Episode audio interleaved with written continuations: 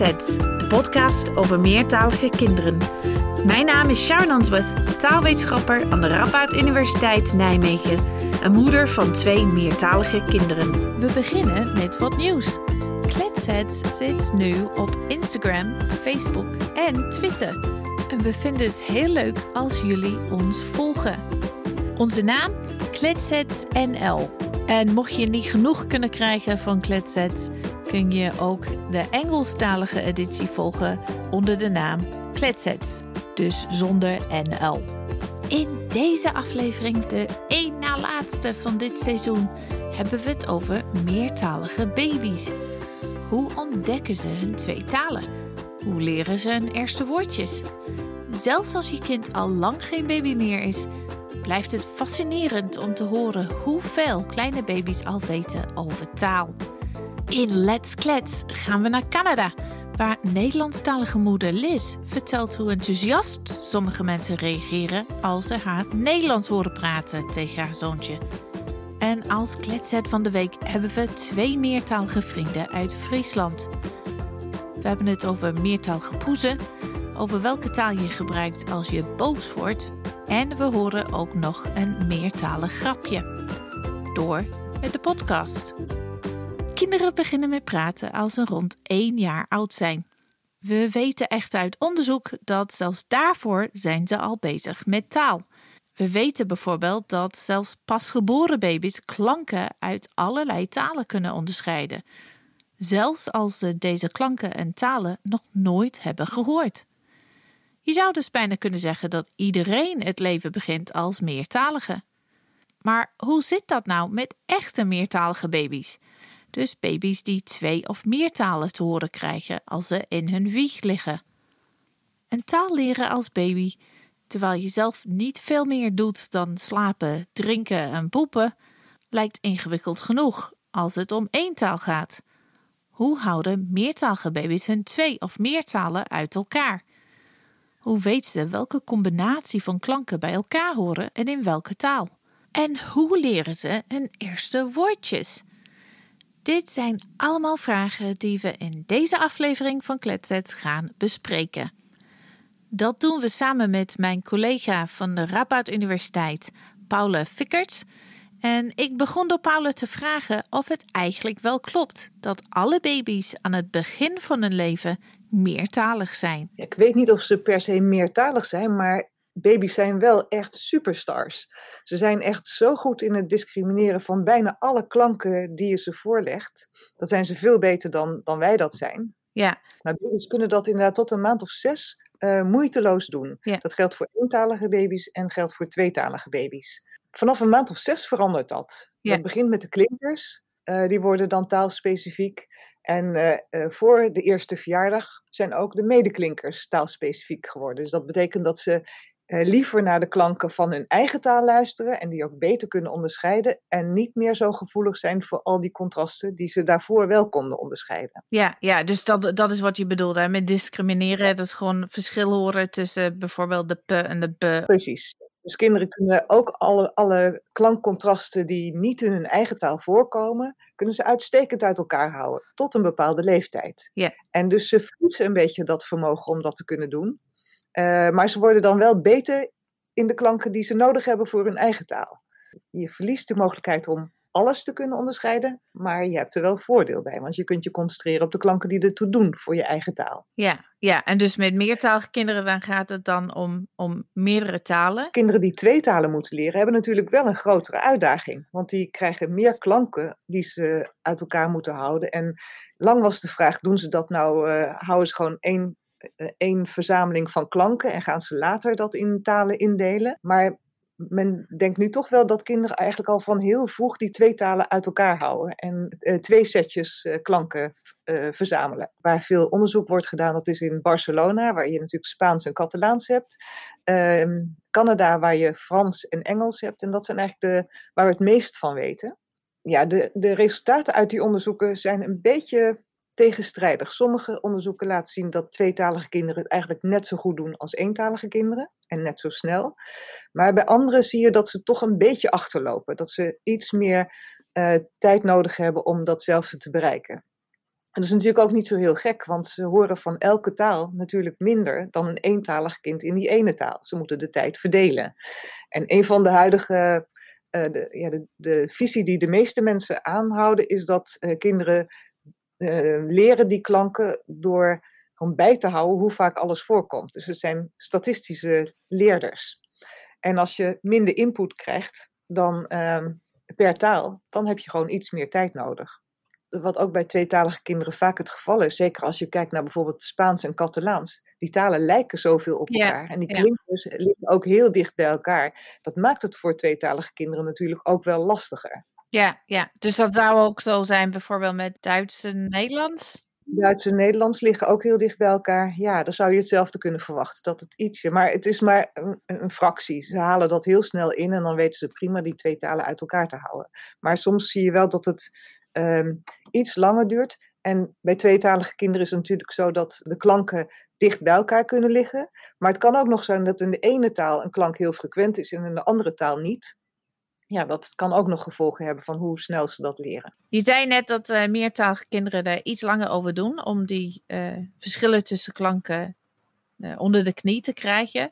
Wat, wat bedoel je met iets? Gaat het om weken, maanden? We weten dat nu natuurlijk niet heel precies, omdat je uh, telkens maar met tussenstappen test. Maar in bijvoorbeeld die Spaanse studie hadden ze getest bij 4, 8 en 12 maanden.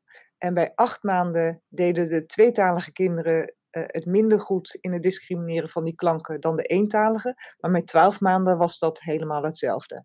Ja. Dus dat maximaal vier maanden. Maar ik weet dus niet of het dan met tien maanden ook al zo zou zijn, want dat is gewoon niet getest. Ja, ja. Dus maar in ieder geval, het is niet iets waar ouders zich zorgen over hoeven te maken. Nee, daar zou ik me absoluut geen zorgen over maken. Nee, nee.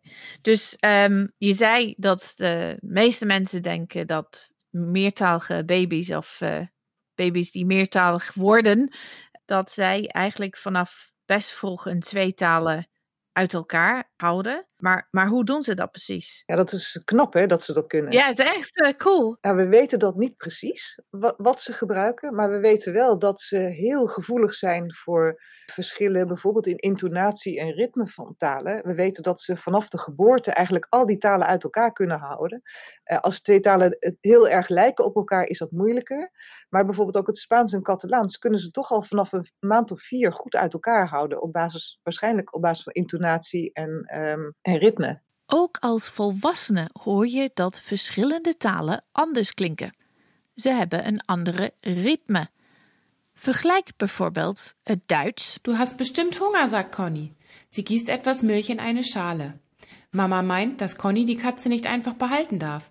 Vielleicht gehört sie jemanden, der sie auch lieb hat. Het Spaans. Quilla y el café con crema. Está leyendo las noticias. Ve un artículo aterrador con un título aterrador. En het Japans. ケズメリクガメは陸に住んでいて、大人になるととても大きくなるよ。赤原ガメは池や沼に住んでいて。 Nou, je hoeft niet te begrijpen waar het over ging, maar je hoorde denk ik hoe deze talen anders klinken. Deze verschillen komen door de manier waarop de klinkers en de medeklinkers samenkomen in een taal. In talen zoals het Duits en ook het Nederlands komen veel medeklinkers bij elkaar. Denk bijvoorbeeld aan het woord dampschiff. Dat was een deel van dat ellenlange woord dat onze kletsets van de afgelopen aflevering mij probeerde te leren. Daar hoor je pff, sh. Dus eigenlijk heel veel medeklinkers achter elkaar. En in dit soort talen worden daardoor de klinkers soms lang en soms kort. Dit is anders dan het Spaans, waar je niet zo gauw veel medeklinkers achter elkaar krijgt en de klinkers gelijkmatige van duur zijn.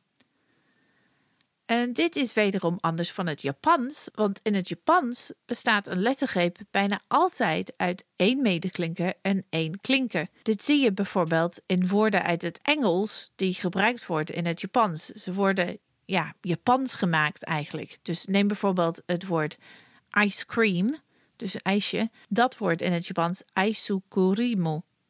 Dus er wordt eigenlijk klinkers geplakt tussen alle medeklinkers.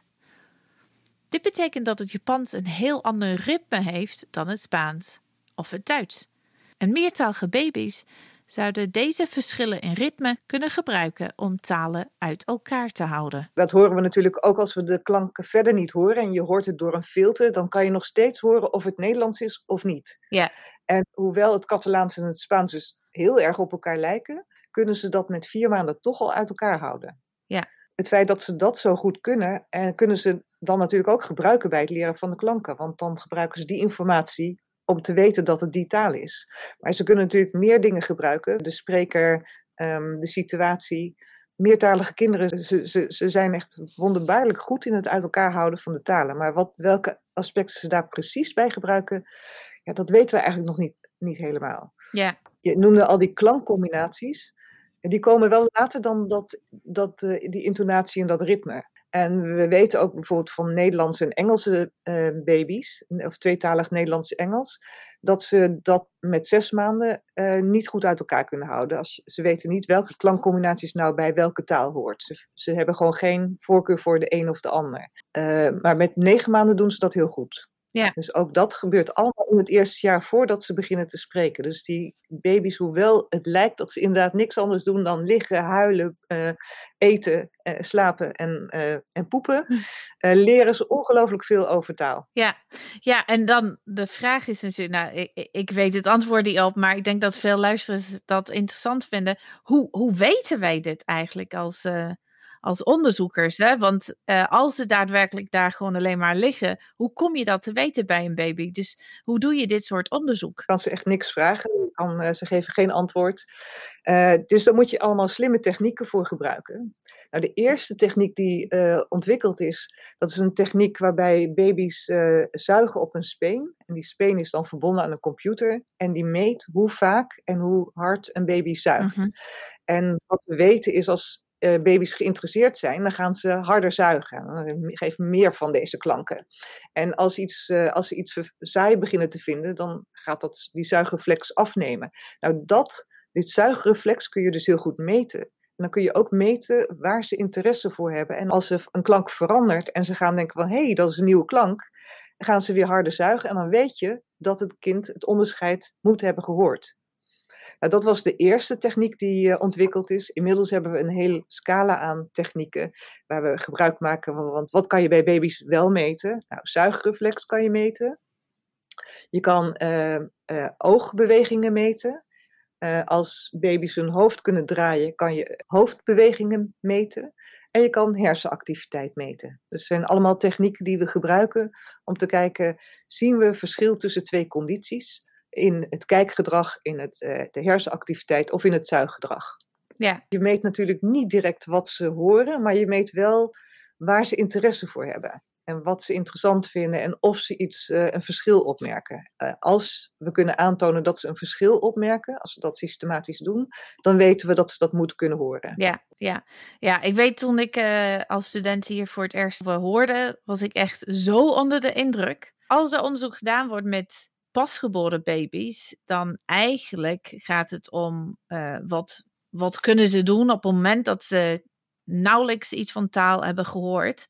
Maar we weten wel dat ze toch wel iets meekrijgen in de baarmoeder. Dat, zien we daar al verschillen tussen meertalige en eentalige baby's? Het is inderdaad waar dat, dat baby's ook in de baarmoeder, zodra die oren klaar zijn en werken, uh, horen ze natuurlijk ook geluid. Ja. Maar het is wel het geluid dat je hoort als je onder water bent. Aha. Want die kinderen zitten natuurlijk in de buik in het vruchtwater. Uh, en dan hoor je niet heel duidelijke klanken. Je hoort wel geluid, je hoort het ritme en je hoort de intonatie, maar je hoort niet echt klanken. Dus wat ze direct na de geboorte uh, weten van uh, taal, ze hebben een voorkeur voor het ritme van de eigen taal. Die hebben ze natuurlijk ook het meest gehoord. ten opzichte van een taal die een ander ritmepatroon heeft. Uh, dus dat weten we wel. De vraag is of, of eentalige kinderen en tweetalige kinderen dat anders doen. Uh, daar is nog heel weinig onderzoek gedaan, maar het onderzoek dat gedaan is, laat zien dat eigenlijk eentalige en tweetalige kinderen dat alle twee kunnen. En dus dat er niet zo'n groot verschil is tussen die een- en tweetalige kinderen. Kinderen zijn op die jonge leeftijd gewoon nog heel flexibel. Ze zijn eigenlijk ja, uh, universele burgers die iedere taal zouden moeten kunnen leren. Ja. En het zou ook onhandig zijn als ze in de baarmoeder alvast uh, één taal hebben eh, besloten te leren. Ja, ja inderdaad.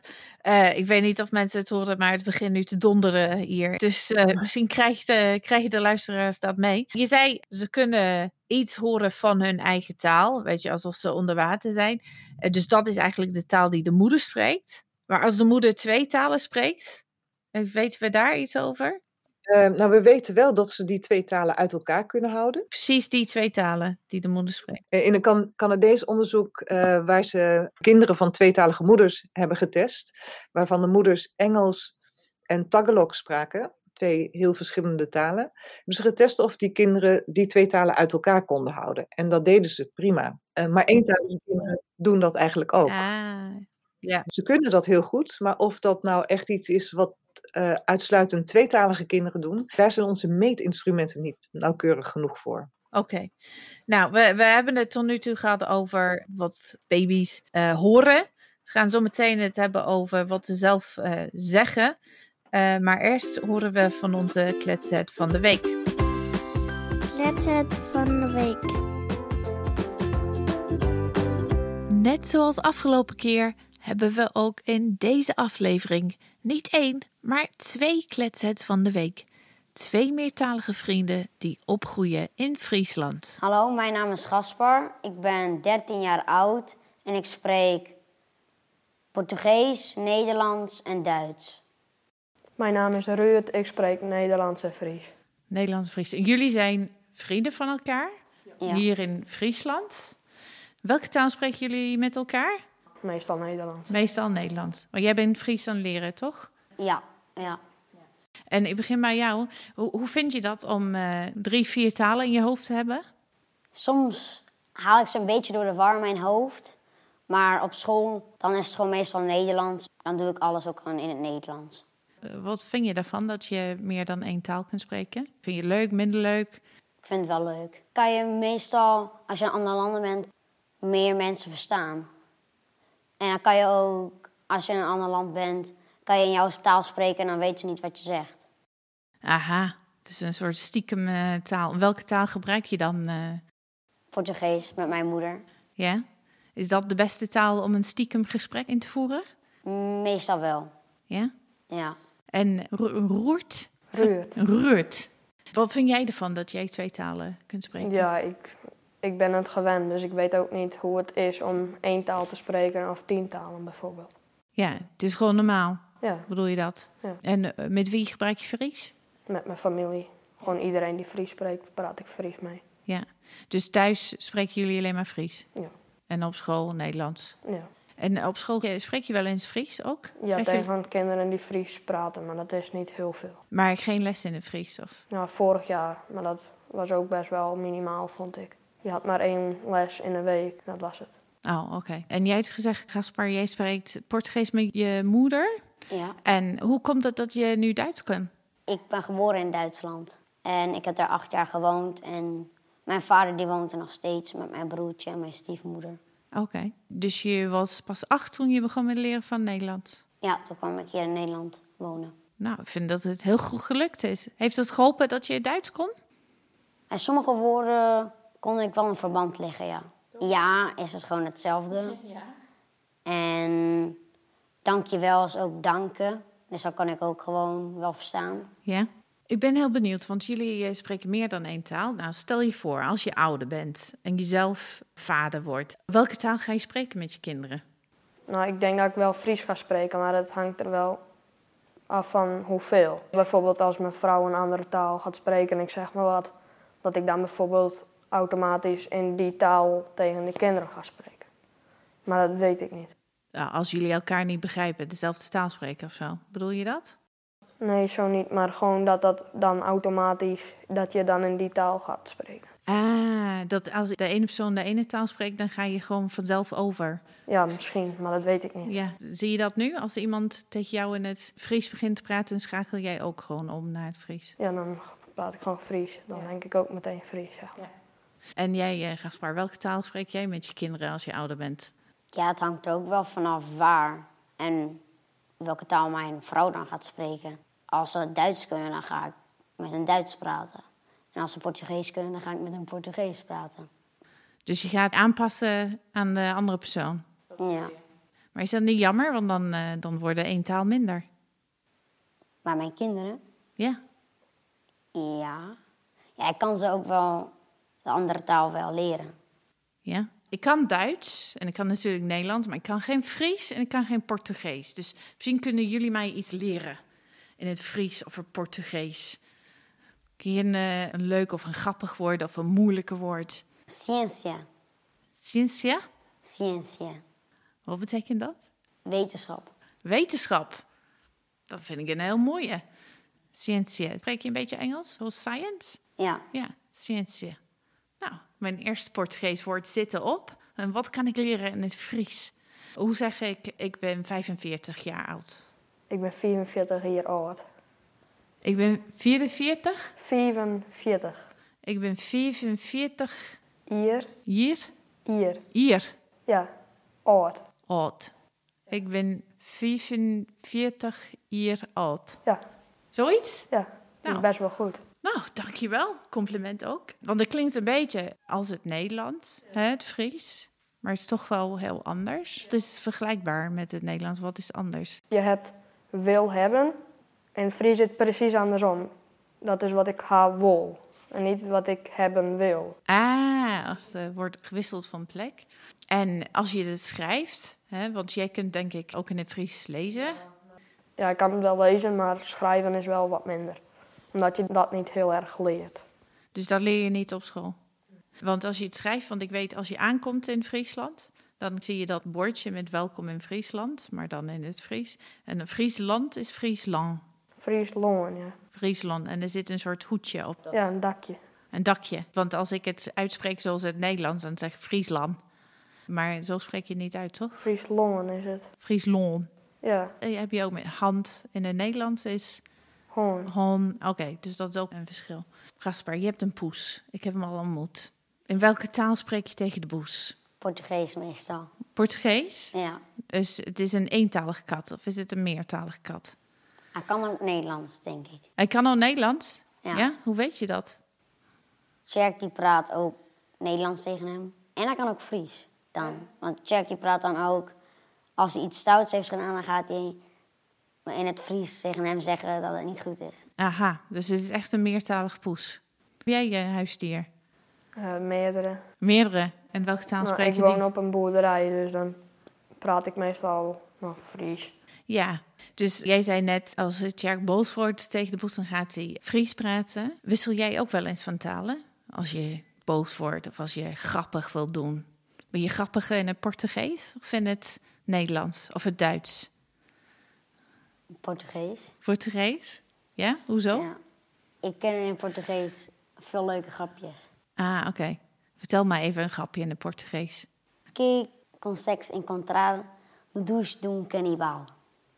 En wat betekent dat? Wat kan je vinden in de douche van een kannibaal? En wat is het antwoord?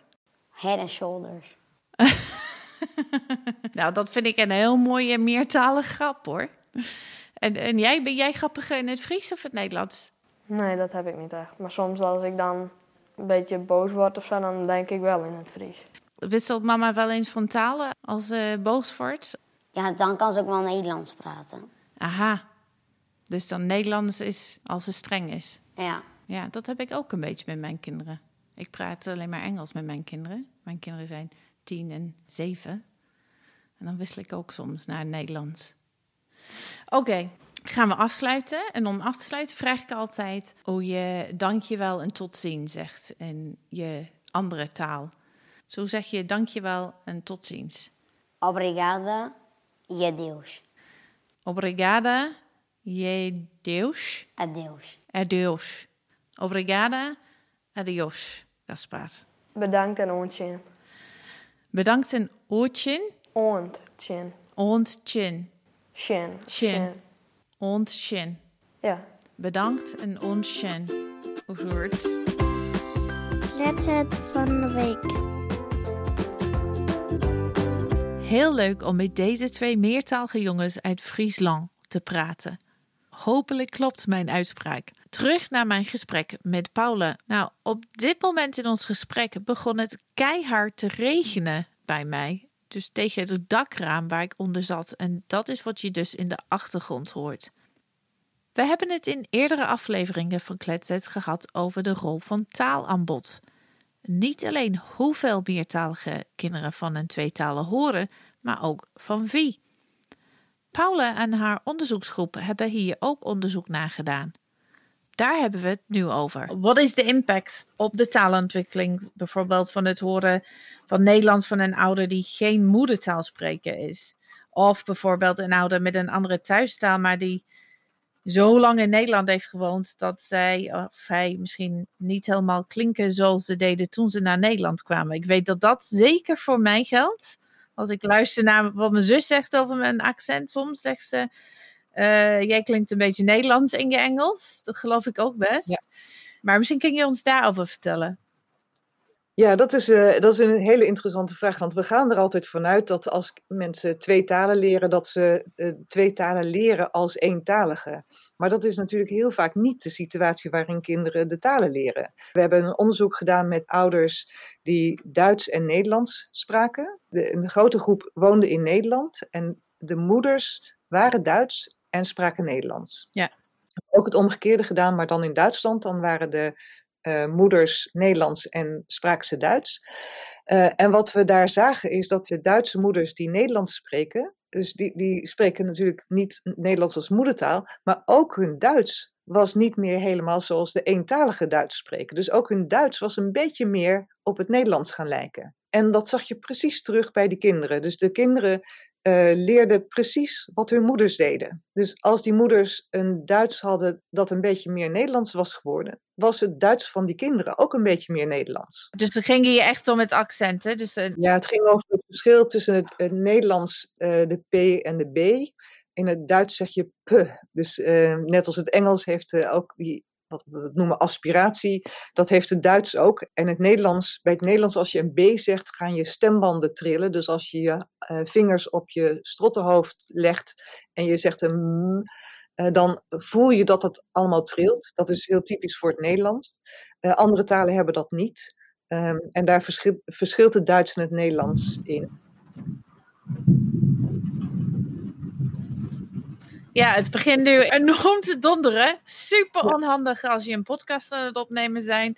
Maar ik ga vanuit dat de luisteraars inmiddels zo gewend zijn aan al dat online opnemen. dat ze dat ons niet kwalijk nemen. dat we gewoon vrolijk doorgaan. Dus het gaat niet alleen om wat er gebeurt in de hoofd van een kind. maar ook daarbuiten wat voor taalaanbod een kind te horen krijgt. En als je als ouder zelf meertalig bent dan kan het zijn dat uh, jij ander soort taalaanbod aanbiedt dan een ouder die uh, eentalig is. En uh, daar is wel belangrijk, denk ik, om te zeggen, het gaat om anders. Niet per se slechter of zo, gewoon anders. Nee, nee het is echt anders. Het is niet slechter. Het gaat echt om een klein, klein beetje accent dat je kunt horen dat iemand anders is dan een, uh, iemand die in Duitsland opgroeit.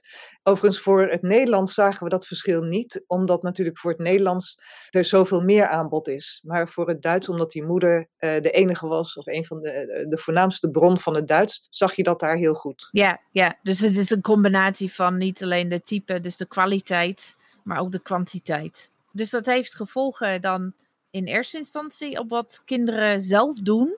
Ja, wat ze zelf produceren, dat is dat klinkt net ietsje anders. Ja, en weten we of dat wel anders wordt op den duur? Of, uh... Daar hebben we niet naar gekeken. Eh, maar mijn inschatting is dat zodra die kinderen naar Duitsland zouden gaan, dat ze dat, dat onmiddellijk gaan aanpassen. Want dat weten we dat volwassen sprekers ook doen. Wij, als wij uh, met mensen spreken met een iets ander accent, gaan we ook een beetje in die richting. Dus we zijn heel flexibel om dat aan te passen. Dus ik schat dat het voor de kinderen uiteindelijk helemaal geen probleem is. Ja. Maar als je maar heel weinig aan of heel weinig sprekers van een bepaald bepaalde, in een bepaalde taal hoort, dan is dat je norm. Maar zodra je meer normen hoort, of meer mensen hoort, dan gaat die norm ook aangepast worden. Ja, oké. dus uh, kinderen hebben dan klanken geleerd. Ze weten welke klanken relevant zijn voor hun twee talen. Ze weten dat bepaalde combinaties wel kunnen en wel niet. En dan moeten ze eigenlijk van klanken gaan naar combinaties die een woord maken. Dus ze moeten woorden leren, want dan gaan ze echt uh, iets zeggen. Hoe gaat dat dan bij meertalige baby's?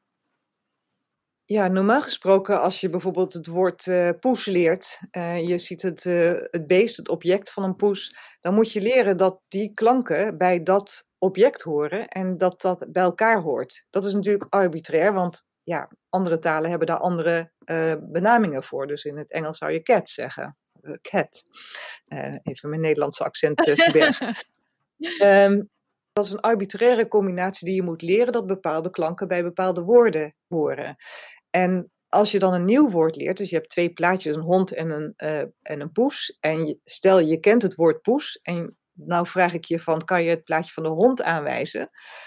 Ook al ken je het woord hond niet, dan weet je dat het, dat het niet een poes kan zijn, want die ken je. Dus dat heet mutual exclusivity. Dus zelfs als je het woord hond niet kent, kan je toch het goede plaatje aanwijzen, want het kan niet het andere plaatje zijn. En dat is wat waar uh, voor eentalige kinderen vaak, uh, vaak gedacht wordt dat ze dat gebruiken bij het leren van woorden.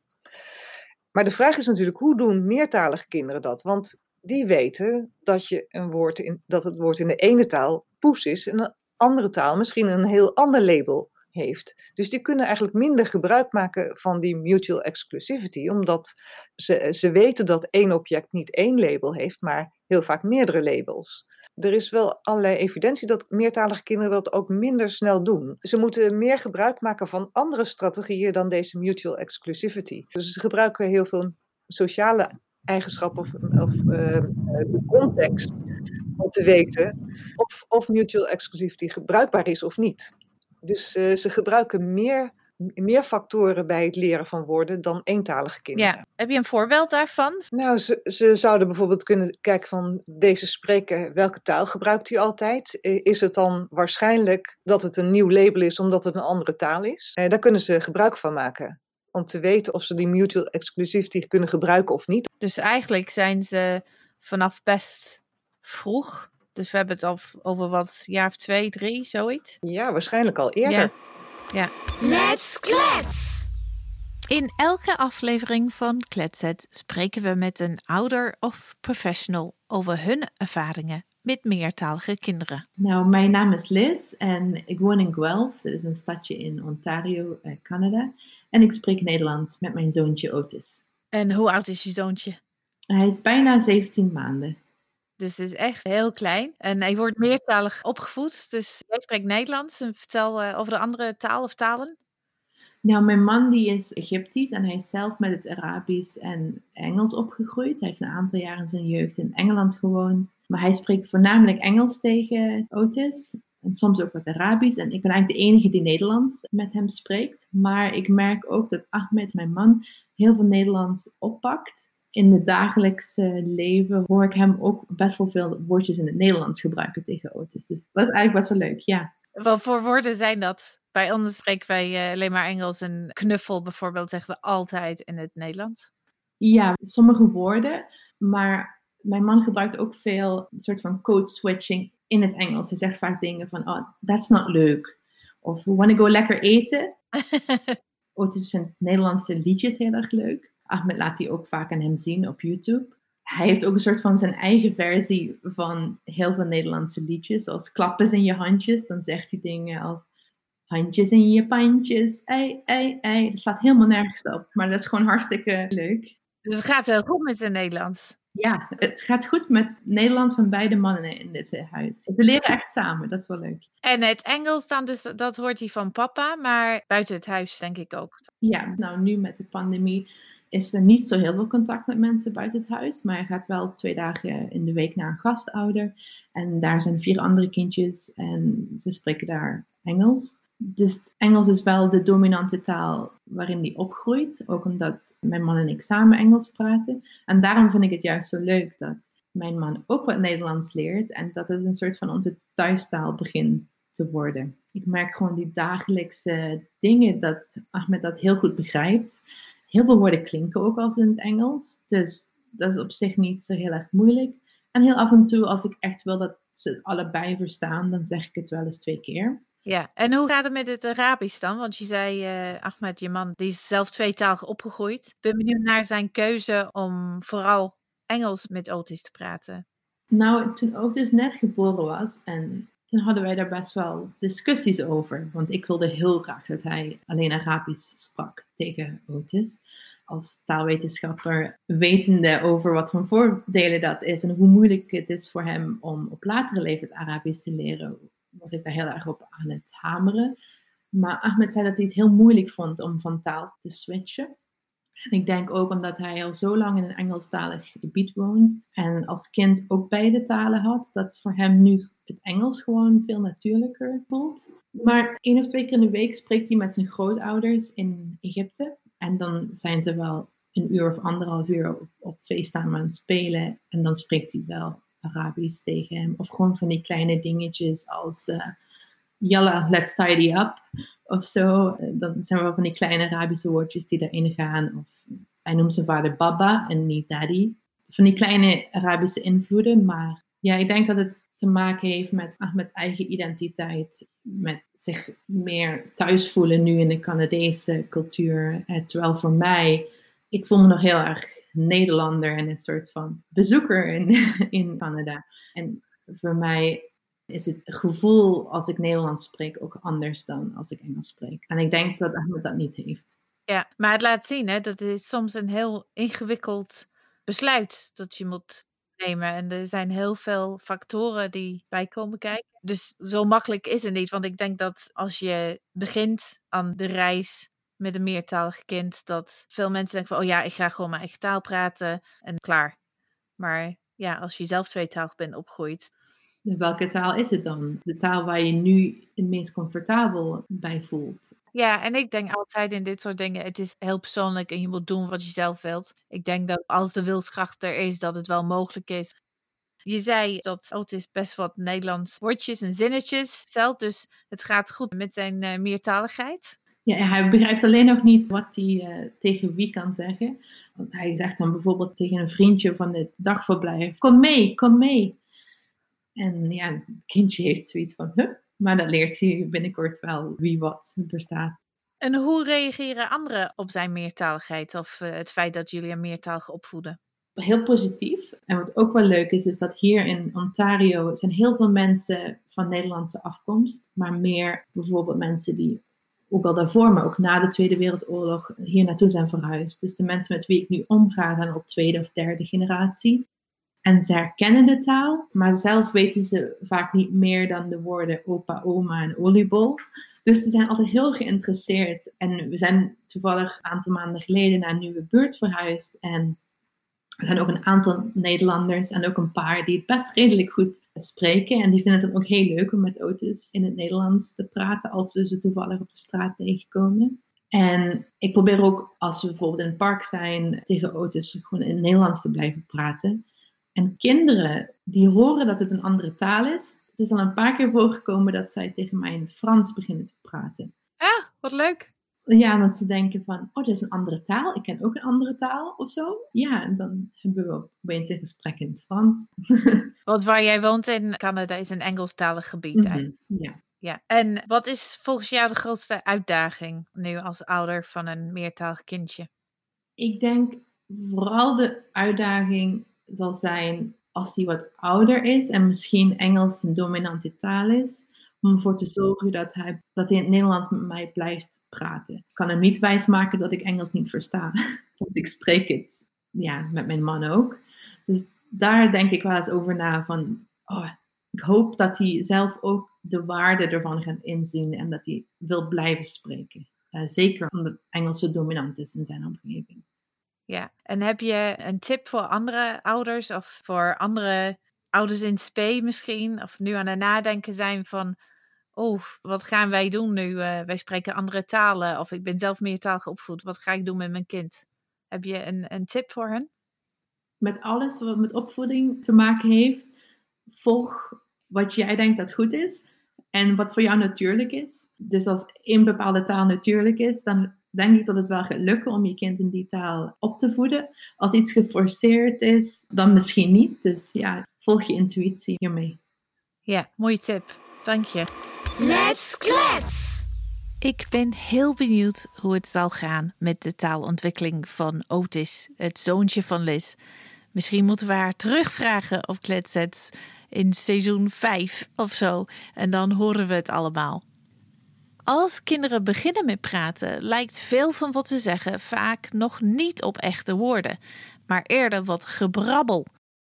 Ik vroeg aan Paula of meertalige en eentalige baby's dit op dezelfde manier doen. Of of je in een bepaalde taal brabbelt. Nou, dat brabbelen is heel interessant, want uh, we weten eigenlijk niet zo goed waarom uh, kinderen dat doen. Ze zijn in ieder geval aan het uitproberen wat je allemaal kan doen met die mond en die tong. En, en aanvankelijk lijkt dat brabbelen van alle kinderen ook een beetje op elkaar. Maar we weten ook dat het heel snel toch meer taalspecifiek wordt. Dus kinderen brabbelen en als ze eenmaal weten dat ze dat kunnen gebruiken, gaan ze luisteren naar hun omgeving en gaat dat brabbelen zich aanpassen aan de taal.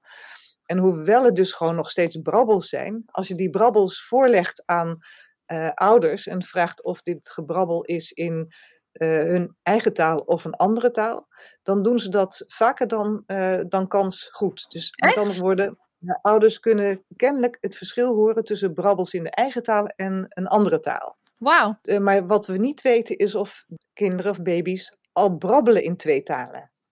Of ze twee, twee brabbelpatronen, dat is volgens mij nog niet onderzocht. Ja, dat gebrabbel is een opstapje naar het eigen productie. Dus zelf iets gaan zeggen. Ja, de dingen die in het brabbelen heel vaak voorkomen, die beginnen steeds meer op de eerste woordjes te lijken. Dus dat is baba, baba, baba, baba, baba, baba, dat. Ja, en dan wordt het papa en mama. Ja, ja, ja. En nog één vraag die ik toevallig laatst van een ouder heb gekregen. Soms gaan kinderen, en het is niet per se iets dat uh, alleen voor meertalige kinderen geldt, maar gaan kinderen door met het brabbelen en dan ontwikkelen bijna een soort extreme vorm van brabbelen. Dat ze echt klinkt alsof ze iets aan het zeggen zijn, maar het is eigenlijk allemaal onzin. Ja, kinderen moeten zoveel dingen leren van taal. Dus niet alleen de klanken en de woorden, maar ze moeten ook leren om, uh, om met elkaar te praten en hoe je dat doet. En dat je na een vraag een antwoord moet geven. Dus dat je dan de beurt moet overnemen. Uh, en dat soort dingen kunnen ze dus ook met dat brabbelen heel goed oefenen.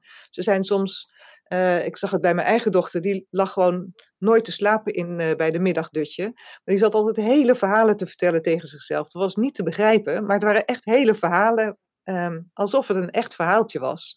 Zijn ze gewoon aan het oefenen hoe je dat doet. Ook mijn zoontje is door zo'n fase gegaan. Zijn zus deed het niet, maar hij wel. En hij hield het ook best lang vol, een paar maanden zelfs. Heb je geen idee hoe dit soort gebrabbel klinkt? Dan kun je op YouTube een filmpje vinden van de Babbling Twins. Of luister naar dit gesprekje tussen mij en mijn zoon toen hij ongeveer één jaar oud was. Hij was druk bezig met tekenen en wou daar iets over vertellen. Really? Ik neem aan dat ik niet de enige ben die dat super schattig vindt. Ik weet nog dat ik zelfs als taalwetenschapper me toen afvroeg of dit helemaal normaal was.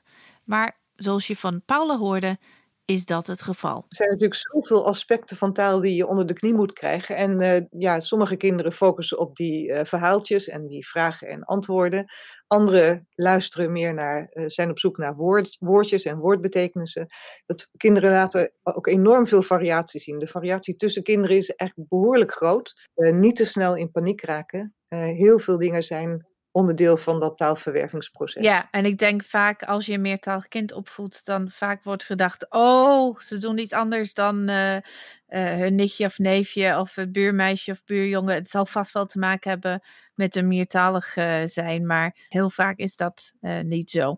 Dus. Zit je daar met je baby, denk je, nou, wanneer gaat hij überhaupt wat zeggen? Ik wil gewoon een gesprek met hem hebben. Wees uh, gerustgesteld dat dat wel de aankomt, maar dat je baby al heel erg bezig is uh, met, uh, met taal. Leuk om daarover te horen, Paula. Dankjewel. Graag gedaan. Dus inderdaad, als de baby niet terugspreekt of niet terugbabbelt, gewoon blijven praten.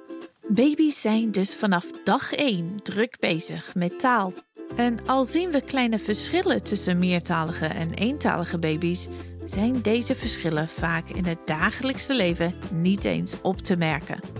Meertalige baby's horen verschillen tussen talen en net zoals eentalige baby's gaan ze in hun eerste 12 maanden inzoomen op de klanken van de talen die ze in hun omgeving horen.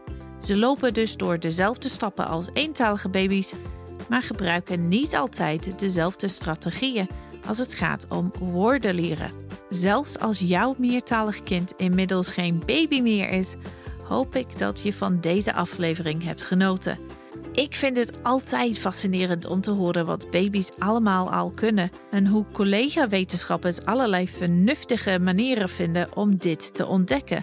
Volgende keer is de laatste aflevering van dit seizoen en samen met Josje Verhagen van de Universiteit van Amsterdam ga ik jullie vragen beantwoorden over meertalige kinderen. Dus volgende keer laatste aflevering van dit seizoen.